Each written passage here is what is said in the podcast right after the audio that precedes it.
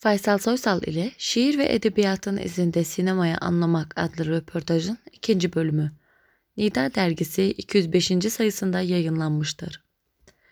Sinemaya önce kurmaca türde başlıyorsun. Daha sonra belgesel. Ardından yeniden kurmaca uzun metraj ile devam ediyorsun. Kurmaca ile belgesel, gerçek arasındaki farkı, ilişkiyi tartışmak elbette uzunca bir mevzu. Yönetmenin durmak istediği yeri düşündüğünde kurmaca ile belgesel arasında bir seçim yapması seni zorladı mı? İkisinin de kurmaca ve belgesel kendine ait farklı yönleri, disiplinleri var. Bana göre reklam hariç tüm film türleri sinemanın içerisinde bir geçişkenlik, ilişki taşıyor.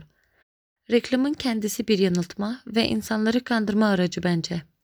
Onun dışındaki bütün görsel anlatımlar sinema içinde bağdaşık bir yerdedir. Hatta kısa film bunun en üstünde olan bir türdür. Daha bağımsız bir iş ve bütçeye fazla zarar vermeyen bir yapısı var kısa filmin. Ancak yönetmenin dolaylı anlatımı ve bağımsız dili çok şahane kurabildiği bir türdür kısa film. Kabul etmeliyiz ki belgeselinde bir yönetmene muazzam derecede katkıları vardır. Belgeselin oyunculuğu ve doğal hikayeye yakalama anlamında beklenmeyen sürprizleri yakalayıp onları bir hikaye içerisinde, bir kurgu içerisinde anlatı haline getirebilmek, kurguyla onu seyirciye ulaştırabilmek kolay değildir. Bunu yapabilmek de bence çok önemli.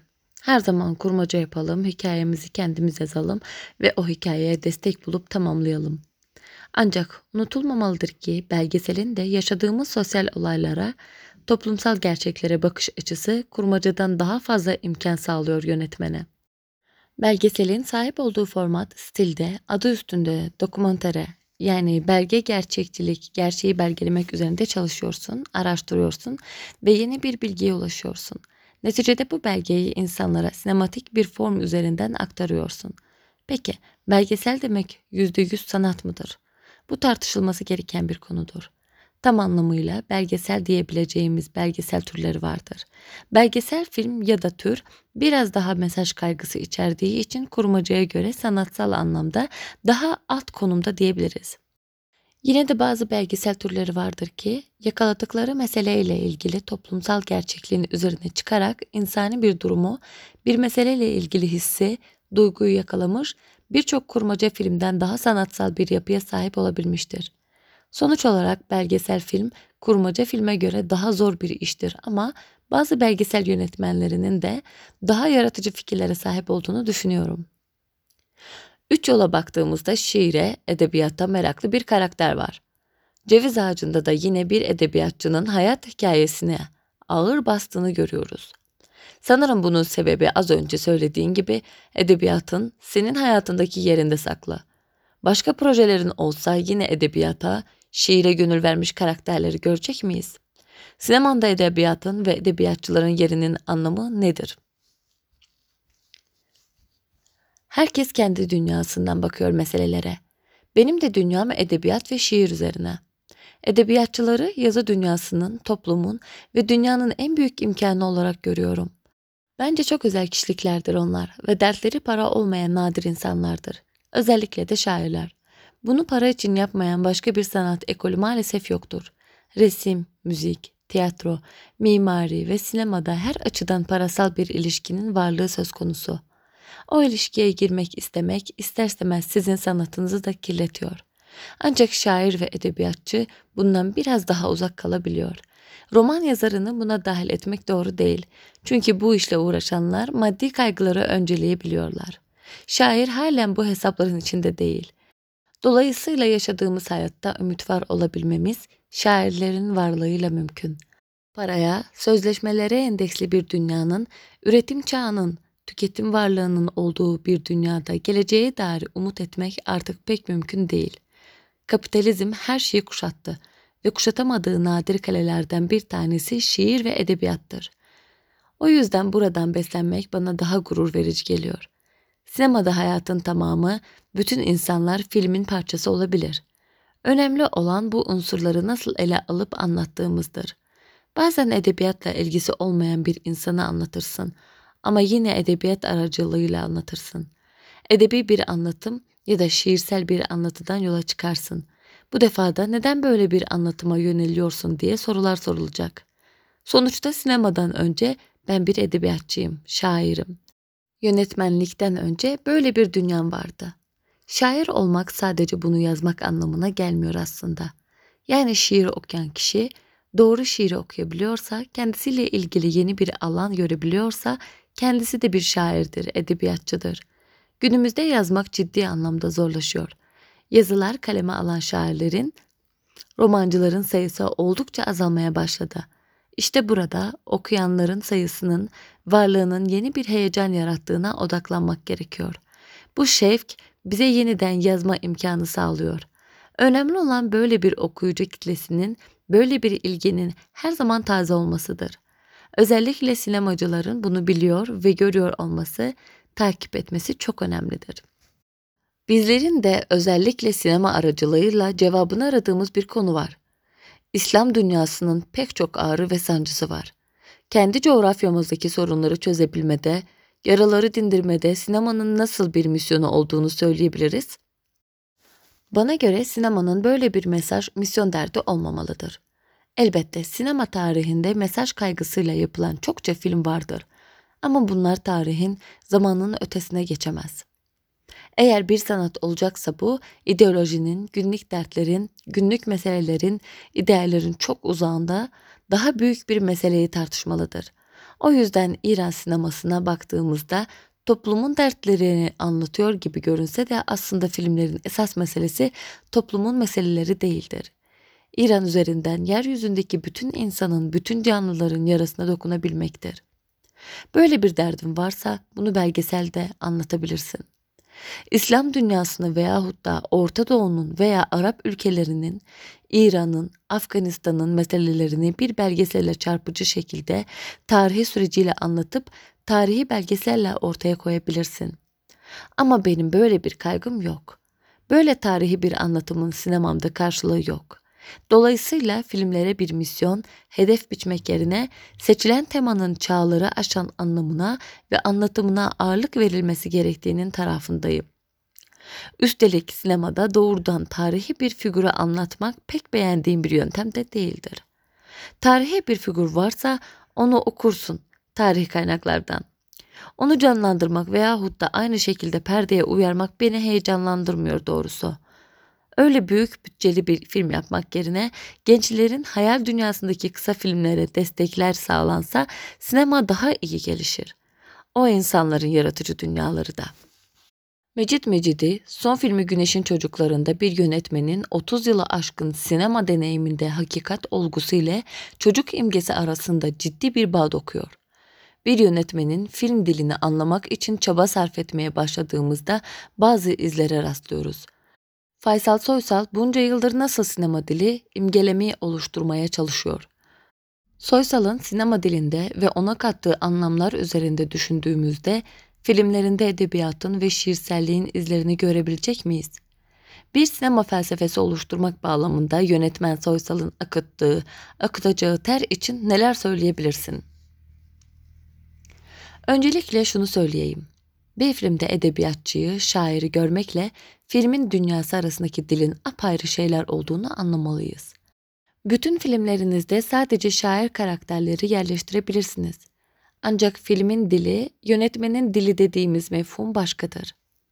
Bir filmde şair anlatılsa, bir filmde doğa anlatılsa, başka bir filmde de sadece gökyüzü ve su gösterilse biliriz ki belli başlı anlatım tekniklerinden, biçimlerinden yola çıkılarak ortak bir dil olduğu anlaşılır. Ancak bu dile sadece yönetmen değil, seyirci de karar verecektir. Seyirci, Faysal Soysal'ın Yasak Rüya kısa filminden Ceviz Ağacı'na kadar geçen süreçte yönetmenin bir dili, anlatımı, stili var mı yok mu diye sonuca varacaktır.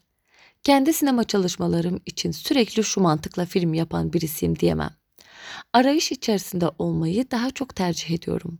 Yeni yapacağım bir filmde belki bambaşka bir form, bambaşka bir biçim deneyeceğim. Bu benim sinema dilim olmadığı anlamına da gelmemelidir. Bunu ayrıca tartışmaya açmak gerekir. Zamanımızda her şey hızla değişiyor ve sinema dili de değişiyor, evriliyor. Aynı zamanda bizler de sürekli değişiyoruz. Eskiden olsa evet, bu yönetmenin bir dili var. Sürekli çocuk filmleri yapıyor ve sürekli bir dram anlatıyor. Bence böyle bir devir geçti. Çünkü yönetmenler her filmine farklı anlatımlar katabilir. Elbette yönetmenin dünyasında hep bir şeyler vardır. Olmalıdır da. Benim de cevabını aradığım sorular var.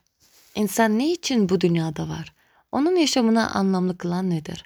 Bir yönetmen olarak bunun peşinde olmaya, geleceğe ne bırakıyorum diye sorular sormaya devam edeceğim. Bunu çocuklara da sorabilirim, başka canlılar üzerinden de sorabilirim. Esasında film yapmayı değerli kılan husus hayata ve yaşanmışlığa dair aradığımız soruların devamı merak unsurunun da sürekli canlı tutulmasıdır.